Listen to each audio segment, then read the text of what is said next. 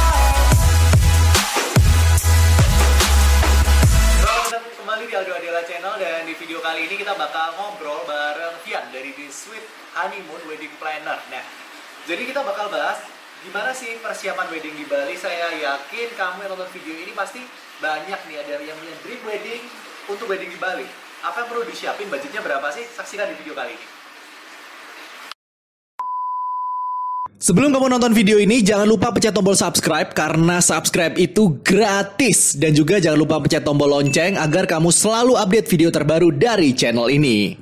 Koko Fian, Ya. Akhirnya long time no see Koko Fian. Gimana kabarnya bro? Dua bulan ya. Iya pak, dua bulan. Tetap baik-baik saja. Tetap hmm. stay at home. Event-event Tetap stay at bro? home. Uh, so far kalau untuk event sampai Juli kita banyak postpone sih overall sih semua postpone bahkan hmm. sampai di Agustus awal minggu pertama kita postpone kebanyakan gitu. Nah, Vian ini salah satu jadi Vian ini adalah salah satu owner dari wedding organizer di Surabaya dan Bali. Unik nih. Ini IO-nya si Vian ini salah satu yang paling hits, yang paling banyak job di Bali nih ya. Aduh, amin. Instagram. kalau itu. Instagram lo apa, bro? Uh, Instagram apa nih? WO. WO dong. Uh, WO TS Honeymoon WP itu official Instagram kita. Jadi job-job portofolio di sana semua ya? Ya, semua portofolio kita taruh di sana. Jadi di uh, IGTV kita punya uh, same day edit dari setiap klien kita, sama beberapa foto dari klien kita taruh di feeds-nya kita. Nah, kalau untuk lebih update sih kita banyak lebih lebih banyak taruh di story sih. Oh di story ya. TS Honeymoon ya, WP story. itu singkatannya apa sih bro? Uh, The Sweet Honeymoon Wedding Planner. Oh panjang ya. Artinya apa itu? Arti kita udah kenal lama tapi aku belum pernah nanya loh. Arti dari nama uh, itu apa? Eh, nggak uh, ada sih. Sebenarnya honeymoon sendiri itu terbentuk uh, 12 tahun 13 tahun yang lalu. Uh, tapi itu aku joinan sih joinan sama teman. And finally kita uh, pecah kongsi. Kita merger sendiri-sendiri. Uh, nama honeymoon kalau berdiri sendiri nggak boleh dipakai. Jadi kita pakainya aku tambahin jadi the sweet honeymoon. Hmm, gitu. gitu ceritanya gimana bro? Bisa wo kita kenal berapa lah asalnya gimana kita kenal ya? Dari job dulu atau sebelum? Kan kali ya. Waktu kamu dulu waktu zaman belum MC ya, masih magician ya. Berapa tahun? Oh, berarti kamu lebih lama, Bro. Aku magician itu tahun 2013. Gila. Oh, jalan 2008. Udah uh, jalan. Lu umur berapa? Kokofian ini umur berapa Kokofian ini? Sekarang 31. Gila. Dari umur 2008 dari umur 19 tahun dong, Bro. Ya, itu kondisi aku uh, masih kerja sih sama orang, terus nyoba-nyoba buka sama teman, and finally uh, sejak, sejak berdiri sendiri uh, diseriusin sampai sekarang. Oh, nggak kuliah lo? Kamu nggak kuliah bro? Berarti umur 19? Uh, oh. aku nggak satu sih, jadi aku uh, uh. diploma aja. Uh. Jadi waktu kerja, waktu diploma itu uh, aku juga kerja ikut orang. Jadi uh, paginya kerja, malamnya aku ambil kuliah. Oh gitu, Gitu. udah lama banget. Nah terus yang aku penasaran nih, udah lama nggak, belum pernah nanya sih kalau event-event doang, event doang, kok bisa banyak job di Bali itu ceritanya gimana, brother? Eh, sebenarnya eh, udah lama sih, udah lama banget pengen pengen job di Bali. Eh, waktu dulu banyak-banyak main karena temen banyak di Bali. Hmm. Nah, terus nggak kesampaian karena memang kalau kita mau jual event dengan kondisi kayak gini kan sosial media kebuka dan lain sebagainya. Ah. Waktu zaman dulu aku mulai WO eh, masih Facebook kali ya. Facebook itu pun masih awal-awal. Jadi masih gampang lah jual WO. Nah, kalau zaman sekarang aku mulai ngerintis di Bali itu kan kebanyakan klien pasti tanya portofolionya mana yang kamu upload di eh, di Instagram itu apa nggak ada. Nah, kebetulan waktu itu yang bantu aku C Elisa, Elisa Han Makeup itu yang bantu aku. Jadi dia ada klien di Bali, dia kenalin kita. Eh, jujur sih waktu kita kasih harga ke dia itu bukan kita dapat untung tapi kita minus. Promosi. Nah, kenapa kok? Ya, benar. Kita promosi dulu. Kita promosi ke ke orang Bali. Gimana kerja kita? Nah, puji Tuhan sih memang kebetulan eh, waktu itu kliennya kita cukup gede karena dia salah satu yang punya eh, swalayan banyak di Bali. Jadi kenalan papahnya itu eh, cukup lumayan.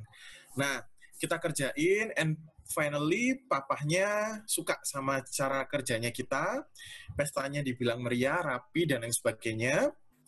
Eh, dia juga seneng karena kita sistemnya on time dan lain sebagainya. Eh, akhirnya setiap kali kalau ada temennya eh, mau bikin event atau bikin eh, bikin wedding lah lebih tepatnya anaknya atau apanya, dia selalu rekomendasiin kita. Nah, dari rekomendasi itu kita mulai jalan-jalan, kita punya portofolio dan kita berani jual. Gitu. Tahun berapa itu, bro? Waduh, kalau tahun berapa? Sebentar, coba aku buka. Wus, Data masih ada data kira-kira aja. Eh, klienku dari awal sampai sekarang aku lengkap. Us, sama ya, lengkap ya. Iya. eh itu 2015. Dua, uh berarti udah empat, la- empat tahun merintis di Bali ya. Sekarang manennya aja ya Ya. kelihatan ya. Puji Tuhan, orang datang sendiri sih sekarang. Setahun di Bali berapa job, bro? Kan asli Surabaya nih, di Bali berapa job? Sebenarnya nggak terlalu, eh, kalau dibilang banyak, ya tahun kemarin puji Tuhan banyak. Karena eh, masih ada teman yang bantu untuk pegang Bali. Oh, Cuman sekarang temenku ini move ke Surabaya karena dia mau merit sama temenku juga yang orang Surabaya. Eh, jadi eh, agak lebih sedikit karena yang bantu untuk handle agak kurang sih. Cuman eh, aku sekarang mulai atur. Jadi kalau ad- ada mulai dapat klien Bali, aku yang bolak-balik Bali. Jadi eh, aku atur flightnya sejak awal. Kapan dia harus eh, inspection, kapan dia harus meet uh, other vendors, kapan dia harus tes food, kapan dia harus jalani tes make up dan lain sebagainya itu udah mulai aku atur. Jadi uh, klien-klien Bali nggak usah bingung. uh, nanti di sana dihandle sama siapa. Khusus kalau Bali uh, nggak akan dilempar ke orang lain tapi langsung handle ke aku. Dan kebanyakan sih 100% klien handlingnya pro- produksi semua sama aku. hmm. Tinggal nanti on the day, pasti kita bilang di awal, eh, dia bakal dihandle oleh siapa. Dan kebanyakan project manager yang kita punya rata-rata eh, dapat pujian sih dari klien kalau sistemnya mereka juga oke yang dia pegang. Mantap. Rekor di Bali berapa event, bro, satu tahun? Paling banyak nih, paling padat. Kelihatannya kamu di Bali terus, bro, nggak pernah di 20. Surabaya, bro. Surabaya, ini Surabaya. Di mana di Bali? Di mana di 20. Bali terus? Setahun 20 Enggak, event ini ya? lagi 20-an, 20 Bali. event. Oh. Bali, Bali.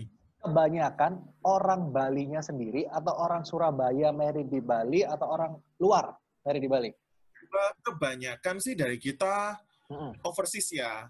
Overseas Hmm. rata-rata klien kita itu eh, Surabaya sama Jakarta. Nah, kalau orang Bali sendiri kebanyakan mereka eh, kalau untuk local people-nya Bali kan mereka tradisional ya. Jadi Hmm. mereka nggak pakai WO. Nah, kalau Chinese Bali eh, sometimes mereka ada ada kenalan. Rata-rata kalau orang daerah kan satu sama lain saling kenal. Nah, kalau misalnya uh, agak sungkan mereka pakai WO lokal, lokal Bali. Tapi kalau misalnya uh, ada orang yang mau out of the box, mereka baru cari yang luar. Dan kebanyakan kalau klien yang asli Bali baru tiga orangan kan. Hmm, kebanyakan Tiga Surabaya, klien. Jakarta. Iya, iya, Surabaya, iya. Jakarta, benar. Oke, di video kali ini kita kalau ngobrolin nggak selesai-selesai nih kalau ngobrolin persiapan wedding. Kita ngobrolin wedding di Bali. Jadi kan banyak banget orang yang mau wedding di Bali, bro. Kalau rate IO kamu sendiri dibandingin Surabaya itu hitungannya kayak gimana? Uh, basically kalau untuk kerja, kalau Ah. untuk uh, preparation itu jelas Ah. jauh lebih sulit Bali. Ah. Untuk prepare-nya lebih susah. Kenapa satu? Karena kita jarang ketemu kalau klien. Kalau misalnya kliennya dari Jakarta atau di luar Surabaya lah katakanlah. Nah Hmm. kebanyakan kita meetingnya secara online kayak gini. Nah kadang nyocokin persepsi antara klien kita dan vendor itu memang agak lebih susah. Cuman so far eh, dari beberapa pengalaman akhirnya sekarang sudah mulai ketemulah jalannya lebih enak. Jadi lebih mudah lah. Nah, lalu kalau untuk persiapan Bali sendiri kadang atur jadwalnya klien sama vendor itu agak susah. Nah, kenapa kok agak susah? Beda sama Surabaya. Kalau Surabaya kan rata-rata wedding di weekend. Hmm. Kalau Bali punya everyday wedding day. Jadi kamu akan bisa nemuin wedding yang hari Serius? Senin, hari Selasa, Rabu. Ya, kenapa? Karena kan yang merit kan bukan local people only, tapi uh, Ah. kebanyakan klien mancanegara juga ada. Uh, let's say contoh uh, salah satu temanku yang venue nih, vendor venue. Ah. Uh, dia satu hari wedding itu punya lima slot wedding. Untuk seremoni ya, jadi kalau untuk seremoni dia punya dari jam 9 pagi, uh, jam 11, jam 1, jam 3, sama jam 5 sore. Nah, khusus jam 5 sore ini akan diberikan ke klien yang memang dia ambil sekalian sama dinner. Nah, kayak gitu. Nah, yang bikin kita agak susah adalah ngatur jadwal. Sometimes kalau kita udah appointment nih, katakanlah tanggal sekian, eh, kita ketemuan di Bali sama klien. Sometimes fotografer tiba-tiba hilang, nggak ada. Kenapa? Karena dia lagi moto on the day. Nah, orderan untuk event itu bisa bisa aja dadakan gitu loh. Jadi nggak nggak kayak orang Surabaya yang planning wedding Jauh-jauh hari. orang Surabaya sih orang orang-orang orang Indo lah. Kalau prepare wedding kan setahun sebelumnya. Betul. Nah, tapi kalau orang-orang bule lah katakanlah, orang dia datang, dia cocok, aku mau merit besok. nah, itu kan agak susah untuk untuk untuk ngatur vendornya kita, katakanlah kayak orang foto.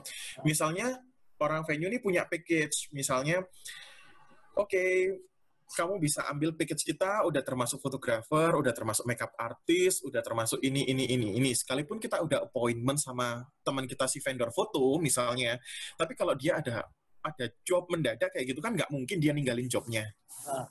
Betul. Nah itu yang agak susah sih. Nah dan kebetulan kalau di tempat kita enaknya gini, eh, kalau klien datang ke Bali, kita akan arrange untuk meetingnya mereka jadi satu. Jadi klien nggak perlu pergi dari hotel atau dari cafe, tapi vendor yang akan datang kita kumpulin. Kalau misalnya butuh inspection atau apa, kita akan bantu pakai mobil kantor kita untuk bisa inspection ke venue atau ke kantor-kantor vendor yang lain. Keren. Jadi kita akan Di Bali udah ada mobil kantor, mantap ya Koko Vian ini ya. Eh, di Bali aku pakai rumah sih. Wis, keren. Enak ya udah operasional hemat. Bro, gini bro, kalau mau Ya, wedding di Bali, kalau misalnya kan kita event kadang vendor luar gini dipanggil kan eventnya gede-gede. Kalau orang mau, lu pasti lebih tahu dong, venue wedding yang ekonomis. Ada rekomendasi nggak? Di kalau Bali. venue sebenarnya wedding eh, aku pernah bikin proposal, eh, aku pernah punya klien eh, dia minta weddingnya untuk 100 packs. Oke, budgetnya berapa? Kalau bisa aku bantu untuk range untuk budgetingnya dan lain sebagainya. Budgetku 100 juta all in. Mm-mm.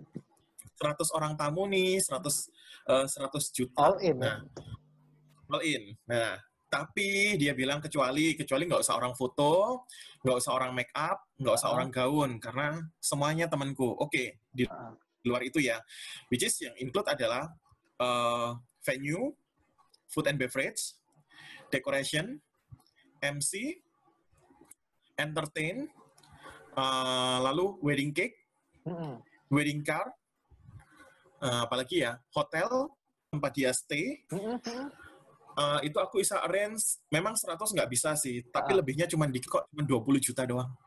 120 juta untuk 100 orang all in kecuali foto 100 video dress. ya Wih. semuanya udah include Di mana bro venue-nya bro itu bro? Eh, aku arrange venue-nya sih aku nggak mau sebutin venue ya susah soalnya arrange-nya Oh iya iya kalau iya. mau kontak honeymoon WO aja Siap. Jadi- Ntar di deskripsi ya. Di kolom deskripsi ada untuk kontaknya. venue Heeh. eh, venue-nya sih areanya aku taruh di area Nusa Dua Mm-mm. jadi kompleknya BTDC Outdoor bro. Nah, BTDC itu eh, outdoor pasti, jadi di Ah. sana nggak ada yang namanya hotel di bawah bintang 5. Betul. Semuanya bintang 5. Bintang 4 Nah, ada lah bro. Nusa Dua. 120 juta, 120 juta untuk 100 orang Heeh. tamu, Uh, itu aku taruh di hotel bintang 5. Bayangin, Nusa Dua, men. buat buat Koko Aldo ntar boleh lah itu ya. Boleh, boleh. Mantap loh itu. Tapi kisaran kisaran harus budgeting berapa bro per pax-nya kalau di Bali? Itu kan parket Oh, kalau mau murmur. sih. Average, average. Ya. Gambaran. Sebenarnya sih kalau kita catering rata-rata di angka kurang lebih 650 plus-plus lah ya. Itu standar atau gimana? Kalau dibanding Surabaya gimana bro? Harga venue di Bali? Oh, beda. Beda karena gini, kalau di Bali Ah. kan rata-rata kita kan mainnya kalau di hotel atau di kalau resto kita nggak ada ya, kebanyakan kita resorts, hotel. Hmm. Nah itu kebanyakan mereka sudah include food and beverage. Jadi kamu beli Hmm. makan itu udah include sama tempatnya, Oke. tempat untuk dinner only. Tapi kalau misalnya kamu ada seremoni atau pemberkatan Hmm. di sana, kamu akan ada add-on lagi penambahan biaya. Oke, kita kita coba Nah. ya. Kita kita mi- gambaran tadi kan paket murmer nih dari honeymoon spesial. Kita coba budgeting, kita breakdown berapa sih wedding di Bali? Berarti kalau dinernya aja per orang 600 ribuan ya. Netnya 600 Aku, 700 itu ribu. starting ya. Aku aku ngomongnya starting. Ah, ah. Biasanya starting kela- 650 ribu. rata-rata ada makanan itu ya. Ra- rata-rata klienmu berapa, Bro? Per orang? Per pax-nya. Eh, nggak mesti sih, nggak mesti mereka average kok, eh, 50-50. Ada klienku yang eh, misalnya minta 750 range-nya, Ah, ah, oh, bahkan oke. ada yang minta eh, 1,5 itu food only, belum termasuk untuk beverage-nya. Jadi Oke. kalau beverage nanti dia akan ada add-on lagi. Mm-mm. Jadi kalau jadi makanan yang di sana itu belum tentu semuanya dapat minum loh ya. belum tentu dapat minum, Bro. belum tentu dapat minum. Jadi kamu beli makan doang. Ntar kalau kamu mau ambil minuman, eh, kamu harus bayar lagi. Free flow per 2 jam per kena berapa? Itu beda lagi. Uh, berapa, Bro, kalau free flow-nya? Per pax. Eh, free flow sometimes ada yang sampai 400 ribu per pax. Minum apa itu, Bro? 400 ribu per Itu masih- pax. Itu masih plus-plus ya. Plus-plus Hah? 21 persen. 500 lah ya.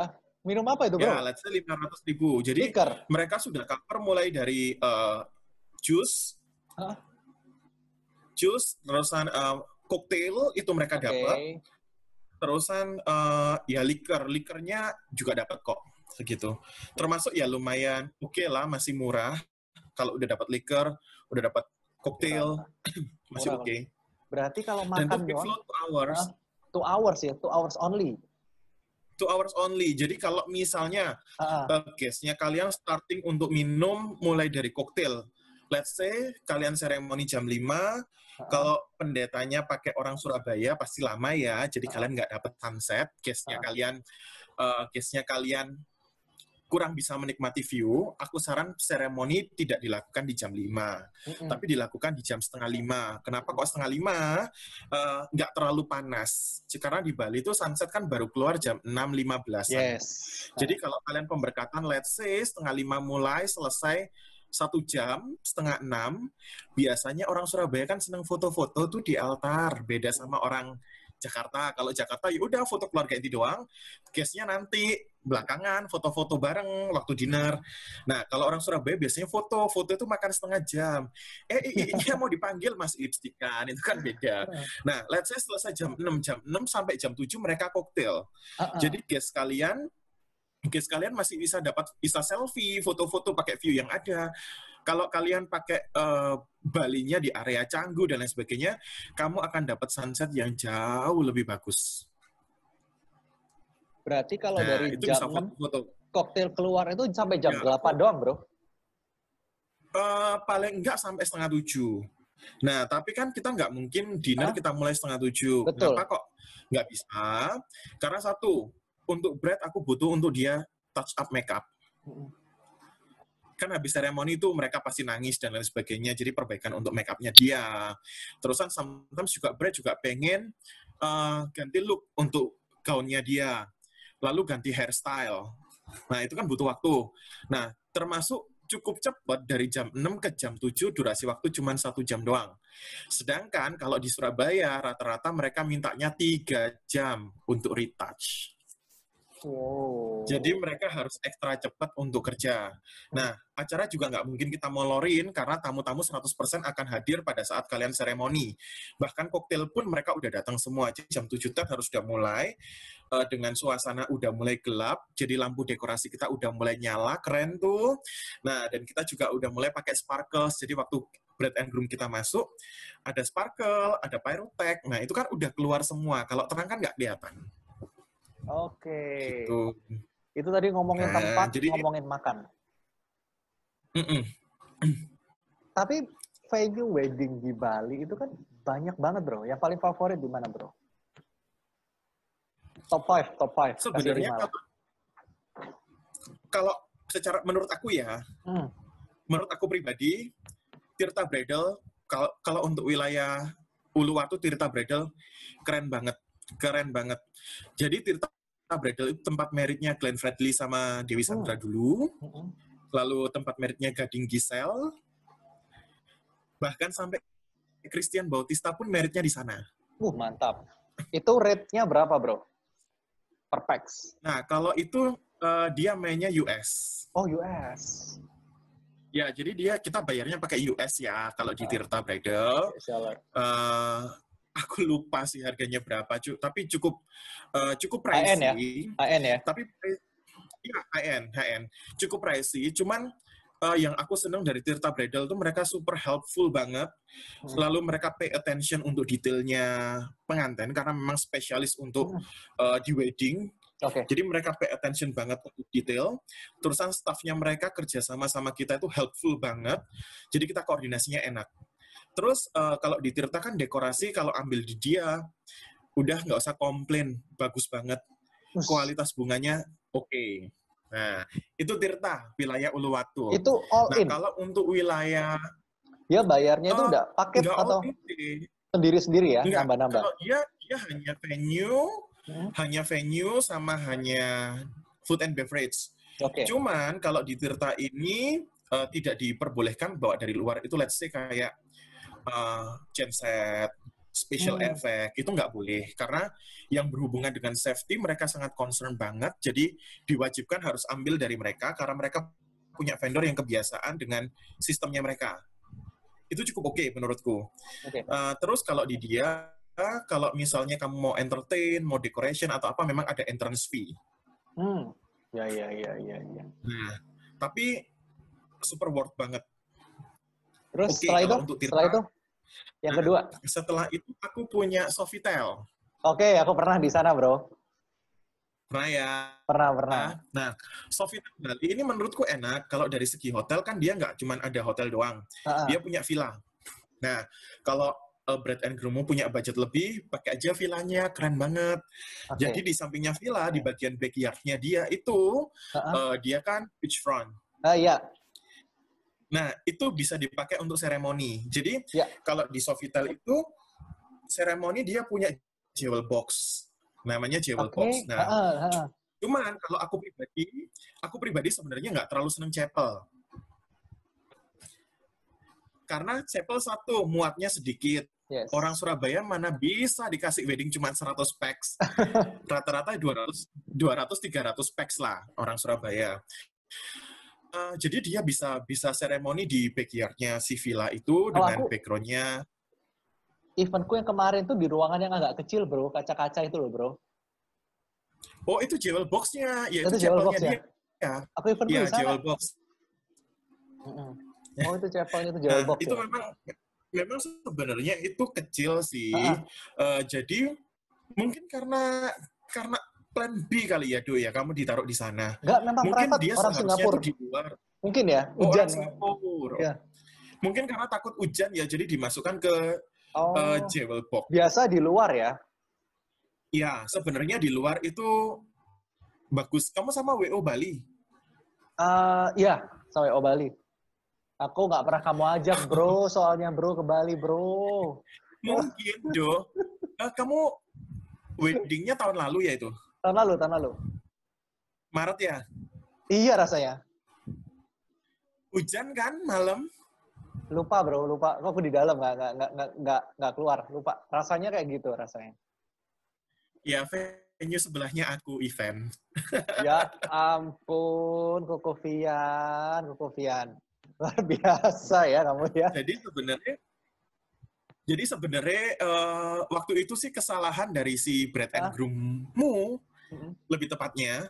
Jadi Brad and Groom itu ngotot ke orangnya Sofitel waktu tanda tangan agreement. Hah? Venue dia itu bukan pakai ballroom yang aku pakai, Oh, tapi pakai jewel box. ah. Ngotot banget. Salah ternyata. sama orangnya Sofitel biarin aja ya udahlah, kamu maunya sana tanda tangan dia tanda tangan. Nah sebenarnya klienku ini tidak dapat venue karena klienku meritnya mendadak.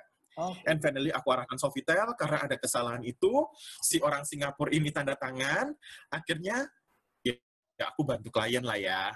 Udah Ci, buruan aja di DP.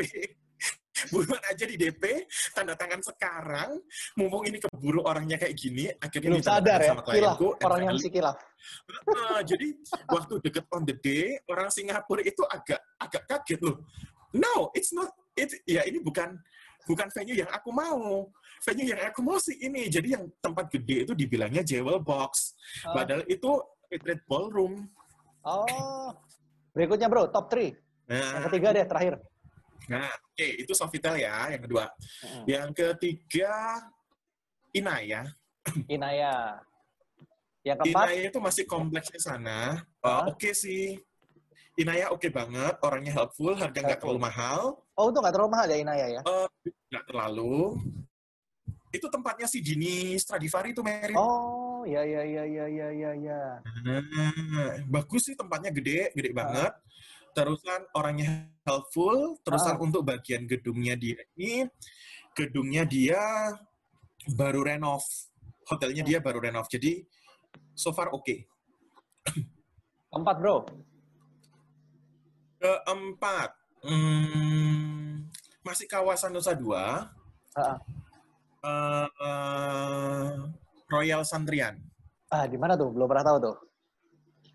Royal Santrian masih kawasan Nusa Dua, tapi dia lebih ke arah Benoanya ya. Jadi kamu Hmm. kalau ke Nusa Dua kan lurus aja. Mm-mm. Kalau Benoa kan belok ke kiri. Nah, ini ke arah sana. Jadi Royal Santrian ini dia punya punya chapel, lalu dia punya untuk seremoni dia ada chapel, dia juga ada water wedding. Jadi water wedding itu kamu pemberkatan di atasnya di atasnya pool, nanti Oh, kamu akan di pool. eh, Ya, jadi ada ada kayak glass stage gitu. Jadi Ah, pemberkatannya di sana, sama ada di beachfront. Jadi beachfront nanti kamu langsung ke pasir. Oke, selanjutnya terakhir nih nah, top 5 dari nah. The Sweet Honeymoon Wedding Planner. Sebenarnya yang paling aku emes, emes banget itu eh The Sahita Villa. Duh, di mana lagi tuh? Belum pernah tahu. Nah, kalau Sahita Villa ini memang agak jauh, dia lebih ke lebih ke arah tan- lot sana. Jadi rutenya itu ke arah tanah lot, jadi Hmm. Canggu masih lurus terus. Boleh ditanya tuh ke JS, dia udah ikut rasanya. Mm-mm. Nge-crew di sana waktu itu. Oh, bagus. Saya boleh lah kalau hari biasa saya ikutan ke kru Kokopian boleh Nah. lah. Jalan-jalan. Nah, cuman yang bikin sayang Sahita Villa sekarang udah udah close, udah Oh, nggak untuk close. wedding. Mahal nggak bro sama ownernya dijual. Eh, Sahita Villa ini villa. Jadi Oke. bukan bukan kayak Sofitel, bukan Ah. kayak Royal Santrian, bukan kayak eh Inaya. Jadi kamu hanya booking villa. Jadi di sana nanti booking villa, uh, booking villa tiga hari dua malam. Nanti kamu juga akan bayar event fee untuk bantu mereka atur event kalian. Mm-mm. Nah, nanti baru bawa food and beverage dari luar. Oke, gitu. Tempat doang ya berarti ya. Sama service charge tempat doang. istilahnya. Benar. Kalau Sama ada satu lagi satu, satu lagi sebenarnya yang eh, yang paling aku seneng. Ombak biru namanya Villa Ombak, Biru. Iya, iya pernah denger tuh. Pernah, baru ya itu ya? Pernah, pernah tahu Palosa nggak? Tahu-tahu. Kemarin aku di Palosa juga. Villa Palosa kan? Ombak biru itu tetangganya Palosa, udah Iya, di sampingnya iya, persis. iya. Iya, iya. Pantas kalau aku pernah Nah. tahu rasanya. Tapi aku di Bali, Nah, bro. di Ombak biru itu Di Bali tuh venue-nya banyak banget ya. banyak banyak banget. Aku hampir nggak pernah Itu di yang- venue yang sama. Aku bilang itu masih sekitar itu masih sekitar Nusa Dua, eh, lalu Canggu, Uluwatu sama eh, ya daerah Canggu lah, masih itu belum yang lainnya.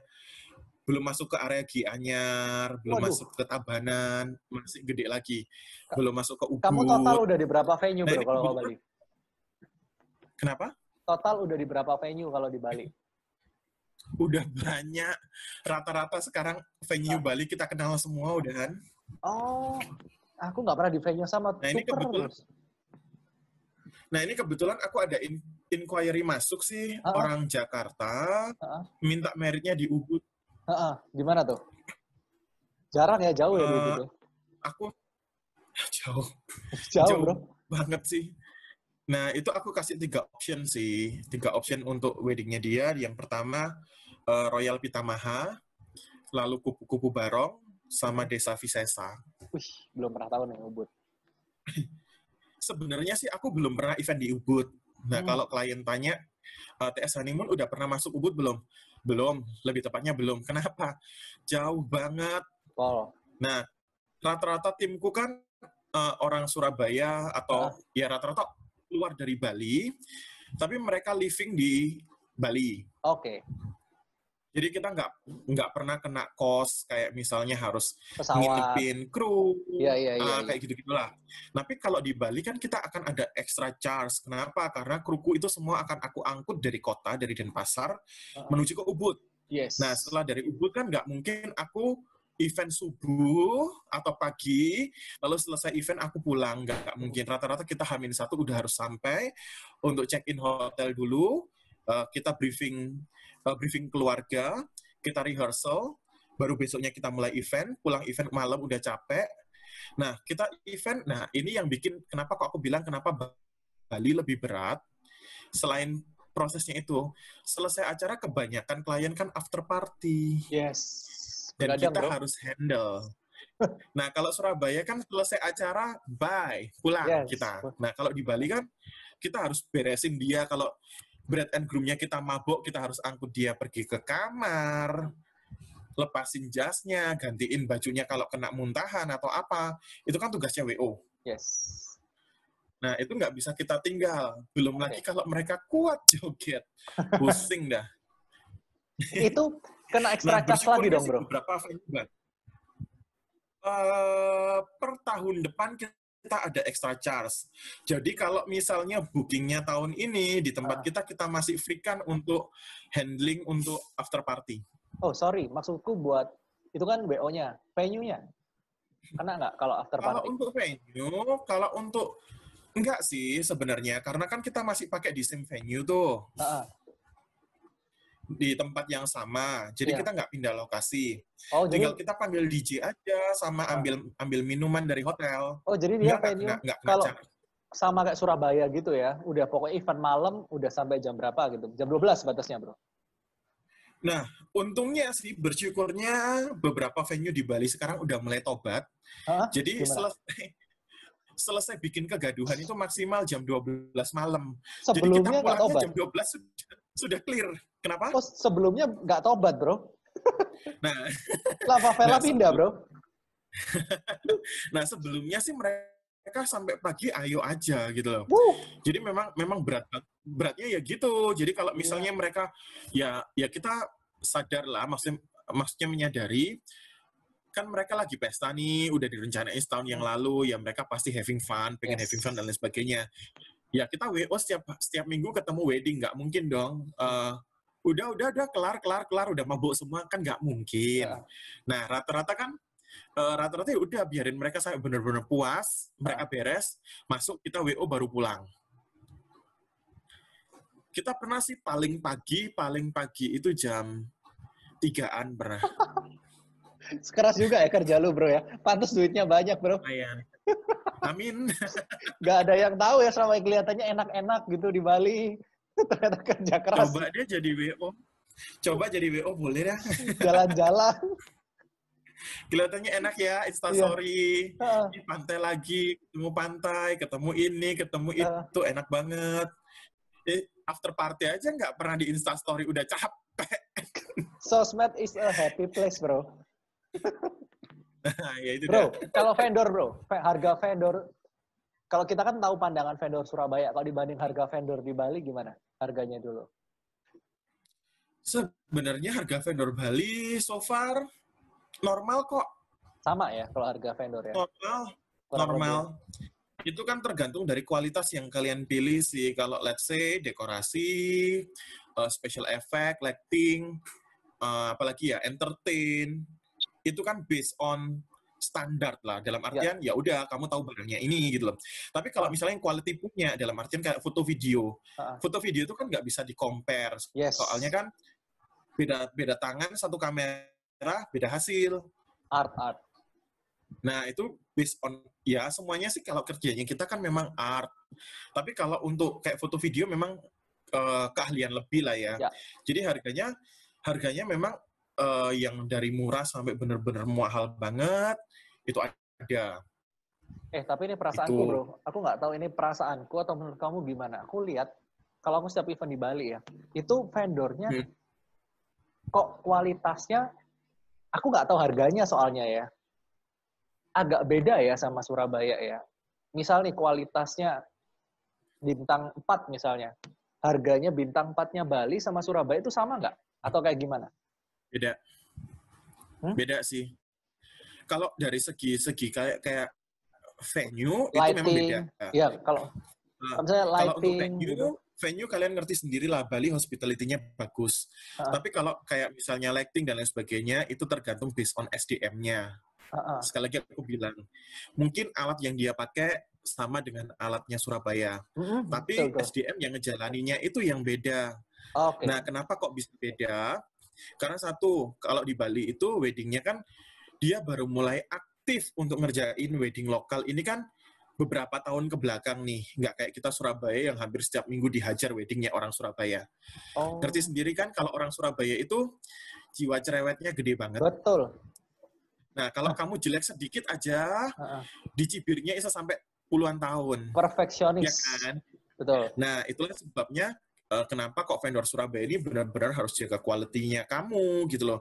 Supaya kamu berlomba-lomba untuk kasih yang terbaik untuk mereka. Hmm. Nah, Kalau di Bali, SDM-nya Bali ini bukan berarti mereka low, enggak. Ah. Tapi mereka itu baru nerima wedding lokal kan beberapa tahun ke belakang. So, mereka ini banyak kerjain wedding orang bule, Heeh, nggak orang cerewet. Asian. Persis, bukan nggak cerewet sih. Hah? Mereka kebanyakan itu nggak kayak orang Surabaya yang pengen pestanya itu sampai Perfeksionis. banget. Jadi Ah. mereka itu pengennya simple. Jadi hanya dinner, hanya up, hanya dinner, dengerin live music. Ya. Udah simple mereka eh, mereka speech dari temennya mereka. Nah, kayak gitu-gitu doang kan. Iya. Nah, jadi kalau mereka dituntut untuk bikin lampunya yang seunik mungkin, Heeh, mereka agak bingung. Yang pertama adalah heeh. Lu nggak apa-apa nih wedding dibikin kayak gini padahal di tempat kita udah yang kayak ya kayak artis mau konser lightingnya masuk gimana wedding piece gimana. Nah itu beda sama mereka. Nah jadi mereka bawain pesta sampai aku pertama kali masuk Bali pun agak sebel. Kenapa? Bener ya? ini band kok light banget ya? Kayak nggak ada kayak nggak ada nggak Ya, ada ya. semangat gitu. Kayak Heeh. Itu sebenarnya bukan tipe-tipe orang Surabaya banget. Nah, sekarang kalau misalnya klien pakai aku nih, aku akan klasifikasikan. Jadi misalnya gini, oh ini kebanyakan guestnya mereka orang Surabaya. Mm-mm. Aku ceritain, kalau misalnya nih couple-nya tinggal Jakarta nih. Oke, tesnya kalian orang Jakarta sama orang Surabaya ini beda loh ya. Nah, bedanya apa? Kalau orang Jakarta cenderung simple, cenderung santai, Mm-mm. lebih ke family, mereka pengennya kayak gitu, tapi kalau orang Surabaya enggak. Depo. Orang Surabaya itu masih pengen selebrasinya yang lebih Ya. gitu loh. Jadi kalau misalnya kamu dapat let's say kayak band yang mendayu-dayu, bukan mendayu-dayu lah, maksudnya yang bawaannya light, sebenarnya Ah. enak kayak musik-musik cafe yang tenang, Ah. itu orang Surabaya pasti bawaannya ngantuk. Nah, makanya kalau aku, aku pasti pisahkan. Nah, aku milihin beberapa eh, vendor band yang oh ini orang ini enak nih, bisa dibawa agak kencengan dikit, bisa diatur. Jadi eh, ini masih masuk dengan tesnya orang Surabaya, sekalipun nggak sampai 100%. Mm-mm. Let's say 75% lah. Ah. Nah, itu aku mulai pilihin. Apalagi MC. MC di sana kamu harus benar-benar pilah. Nah, pilahnya apa? Mereka kebiasaan bawain santai. Ya. Nah, kita punya teman MC juga, harganya mahal banget. Mahal banget. Jadi, harga MC Surabaya paling mahal berapa, Duh? Kamu kan MC nih. Berapa Ayo, paling? sebut Lima, berapa. lima tujuh kan Surabaya? Enggak, Surabaya paling mahal aku pernah tahu 12. 12 ya? 12 paling mahal. Di Bali 16 juta loh. Gila, lokal itu bro. Lokal, lokal, tapi dia bilingual ya, jadi bisa Inggris, Ah. bisa Indonesia. Dolar Pastilah, ya. MC ini kebanyakan gitu. Waktu aku handle handle orang Aussie ya, Aussie, eh, kapalnya orang Aussie, Hmm. tapi ceweknya Surabaya. Bawaannya slow banget. Hmm. Kalau aku bilang nggak enak, Hmm. nggak enak banget. Jadi bawaannya kayak ngantuk atau apa gitu loh. Hmm. Nah, kebetulan sih eh, kliennya ini saudaranya sering banget ambil di aku. Heeh. Sering banget. Kalau dihitung-hitung udah 8 turunan pakai aku semua. Siluman ya Bapak Vian nggak tua-tua ya lawan turunannya. Langganan banget. Nah, Eh, Terus? karena eh, tapi kalau bagi orang bule bawaannya dia enak. Oh.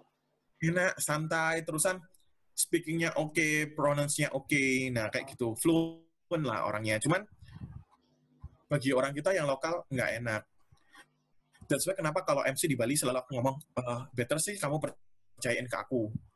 Kenapa? Kalau misalnya kita udah atur acaramu bagus, semua udah terorganisir oke, eh, ambience oke, musik ambience dari kita masuk, terusan organizer kita mulai dari atur case-nya kalian udah oke, acara kalian lancar dari pagi, on time, tapi begitu MC-nya jelek, bawaannya nggak enak lah pasti.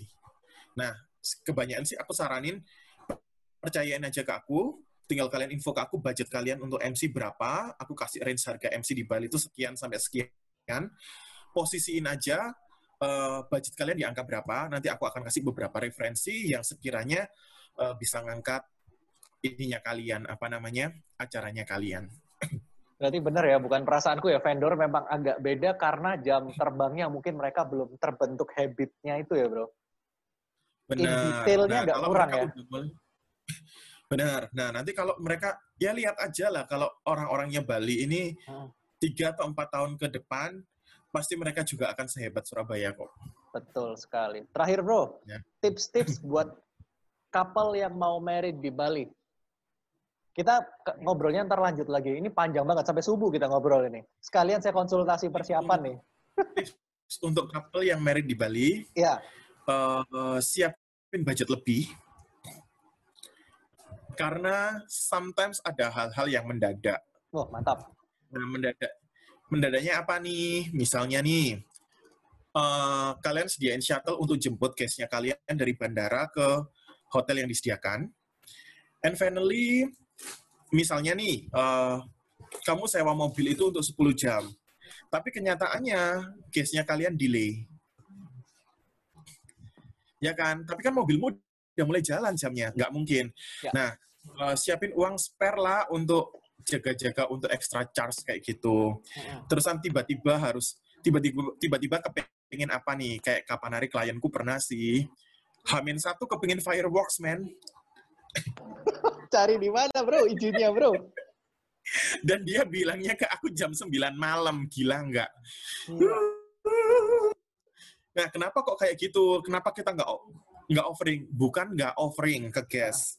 Kita pasti offering ke couple-nya kita. Mau nggak kamu kasih fireworks keren nih, mumpung di Bali. Ya. Nah, kebanyakan mereka itu mental dengan harga. Kenapa kok mental dengan harga? Kalau di Surabaya kan fireworks cuma tiga setengah juta. Ah, Di Bali itu 17 juta. Hah? Serius? Fireworks only. Kualitasnya sama? Sama yang 3-4 juta Kualitasnya sama. Kualitasnya sama. Kenapa kok 17? Karena mereka harus bayar kepolisian, mereka harus bayar banjar, Surabaya kan juga perizinan bayar, bro. lebih banyak. bayar. Ah, ah. Nah, Gila. Jadi eh, dia agak agak ya mungkin kebanyakan couple pasti mikir lah, ya. sayang lah ya 17 juta hanya untuk tiga Us. detik Iya. fireworks. Ya make sense sih. Kalau aku pun jadi couple-nya pun aku nggak akan pakai sih. Iya. Mahal banget. Ya kan?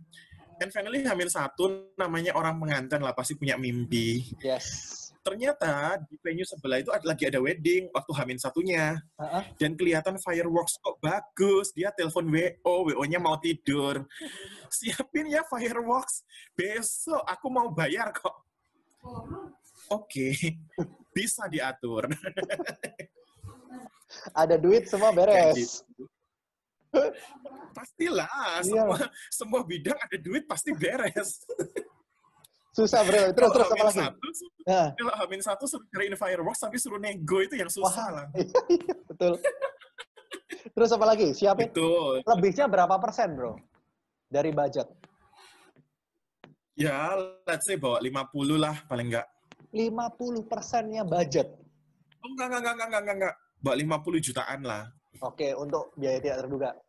Oke, Oh, iya, average. dia enggak juga. average. Kenapa? Soalnya kan Hmm, keluarga ada makan, minta makan atau apa misalnya kayak gitu. Tiba-tiba, eh si ini nih mau jalan, gini gini kan sungkan Ya. nih, minta sewa mobil lah. Ya. Terusan tiba-tiba ada yang minta, oh minta dicariin ini ya apa namanya liquor buat ditaruh di kamar. Nah liquor kan sekali beli kan nggak mungkin Berapa cuma juta? sebotol dua botol. Iya. Temenmu kalian banyak. Nah, aku pernah beliin klien itu untuk liquor aku habis kurang lebih 15. Mantap. Dan yang belanja WO-nya Hamin satu, puas ya. Susah loh ya. Kesempatan curhat juga ya ini. Ternyata pekerjaan WO. Iya, tapi so far, so far sih kalau dijalani dengan dengan hati yang Happy. seneng, jalannya bagus kok. Iya. Hmm, happy, happy banget, tetap Dan happy. diharapkan Dan tidak rata-rata menawar sampai ya, bro. sekarang, Nggak mungkin lah, rata-rata klien pasti nawar. Nggak mungkin enggak. nawar kalau jadi itu puji Tuhan do, Ah, tapi kalau nawar sampai nggak jadi, masya Allah. Ah. Nah itu, ya so far sih sampai sekarang kebanyakan sama klien-klien kita temenan Siap. sampai sekarang. Itu. Terus Ya apa lagi? begitulah. Apalagi nih yang perlu dipersiapin untuk menutup setelah budget lebih yang perlu di, jadi perhatian nih buat couple yang main di Bali. Eh, perhatiin keluarga aja sih, soalnya kalau eh, keluarga itu sebenarnya sudah kita mention karena di tempat kita itu ada RSVP, jadi kita eh, sampaikan juga ke mereka jam berapa mereka harus standby, jam berapa mereka harus gini gitu gitu gitu. Nah, cuman kebanyakan kalau orang Surabaya khususnya yang udah senior, mereka itu tidak terlalu attention sama info Ya. dari kita. Jadi harus diapain Nah. tuh? Ya siapin mental aja. siapin mental. Kalau keluargamu keluargamu ngeribetin atau apa kan mereka larinya pasti ke kamu nih ke klien ke kliennya kita. Cuman kita selalu info ke mereka. Ya sebisa mungkin jawab aja nggak apa-apa. Kenapa? Karena mereka juga pengen jawaban dari kalian. Tapi kalau misalnya kalian sampai ribet sampai nggak bisa jawab atau apa kasih nomorku. Aku selalu siap bantu untuk jawab Siap. Nah, Oke. dan dan semua guestnya kalian yang wedding di Bali itu Hmm. mereka pasti punya nomor aku. Oke. Karena nanti yang bakal hubungin hubungin setiap klien adalah aku sendiri. Setiap tamu ya, sorry. Hmm. Jadi kalau ada tamu yang sampai ngomong WO-nya nggak info kok, nggak dikasih jadwal, acaranya ngapain aja, itu bohong. Ada di handphone saya, ada buktinya. Yang penting WO-nya honeymoon, the sweet honeymoon ya. Harus dong. Bro, eh, ini ini ini gue lupa tanya. Biasanya klien itu akomodasi untuk hotel, tiket pesawat, yang profit tamunya siapa, Bro? guestnya kita. Oke, jadi biasanya kalau selebrasi di Bali, selain siap budget untuk resepsi, siapin akomodasi ya, berarti rata-rata sebagian besar seperti itu ya?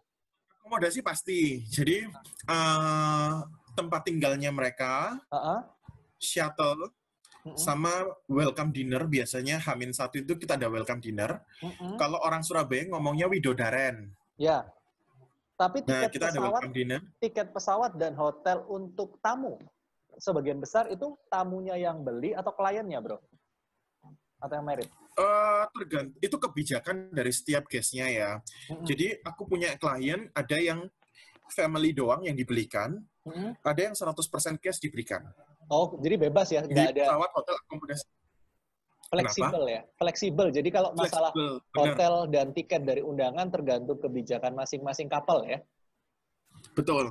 Nah, sebenarnya waktu kita sebar-sebar undangan itu, sebar RSVP juga, itu kita sudah cantumkan eh, card untuk accommodation. Jadi, Uh-uh. kita cover akomodasinya apa aja, Uh-uh. eh, hotelnya apa, shuttle-nya apa, penjemputannya melalui apa aja, misalnya dari bandara, Oke, udah mulai dijemput atau dari hotel doang. Nah, itinerary-nya itu udah ada. nanti itinerary sudah ada. Cuman kan kebanyakan kalau guest itu mereka nggak feedback ke kita. Jadi kita yang jemput bola untuk tanya ke mereka. Semua ya, wah, wah, wah, wah, mantap sekali. Koko Fian. Nah, that's why kenapa kok Bali lebih mahal ya itu kerjanya panjang banget. Jadi, tapi sebagian besar gimana? Oh, bebas ya, jadi mau beliin tiket, mau enggak, Bebas. mau nyediain hotel, bebas ya kalau masalah itu ya. Bebas. Itu kebijakan dari setiap tamunya kita sih. Tapi sebagian besar kayak kayak gimana? Memang beda-beda rata atau Sebagian besar dibeliin. Kalau klienku rata-rata dibeliin. tiket dan hotel atau hotelnya aja? Hotel, tiket pesawat, Oke. terusan transport di Bali, Iya pasti. ya, makan, makan Ya. mereka gabung sih ke Hamin satu kan ada welcome dinner. Ya. Paginya mereka makan breakfastnya hotel. Mm-mm. Siang kita kirim makanan ke hotelnya mereka. Mm. Malam mereka dinner. Sama H plus satu mereka kayak farewell gitu loh. Masih ada lagi. Oke, Gitu. Thank you Koko Fian infonya ntar minta Sama-sama. event-event dokumentasi event di Bali ya. Siapa tahu bisa jadi inspirasi buat Boleh, saya boleh. dan yang nonton. Boleh, boleh, boleh, boleh. Siap. Stay safe ya Koko, keep healthy. Thank you. Sehat selalu. Sama-sama. Jangan lupa eventnya yang di Bali terutama. Oke, thank you. Iya. Dadah. Thank you. Thank you so much. Gimana? Udah tahu kan kisaran wedding di Bali itu habis berapa? Terus apa yang perlu dipersiapkan? Kamu harus sedia dana berapa? Terus apa yang harus kamu lakuin? Nah, kalau mau info lebih lanjut di kolom deskripsi aku udah cantumin kontaknya si Vian dan juga pastinya gimana? Kamu lebih milih wujudin dream wedding di Bali atau honeymoonnya yang keliling, weddingnya kecil-kecilan di dalam kota aja.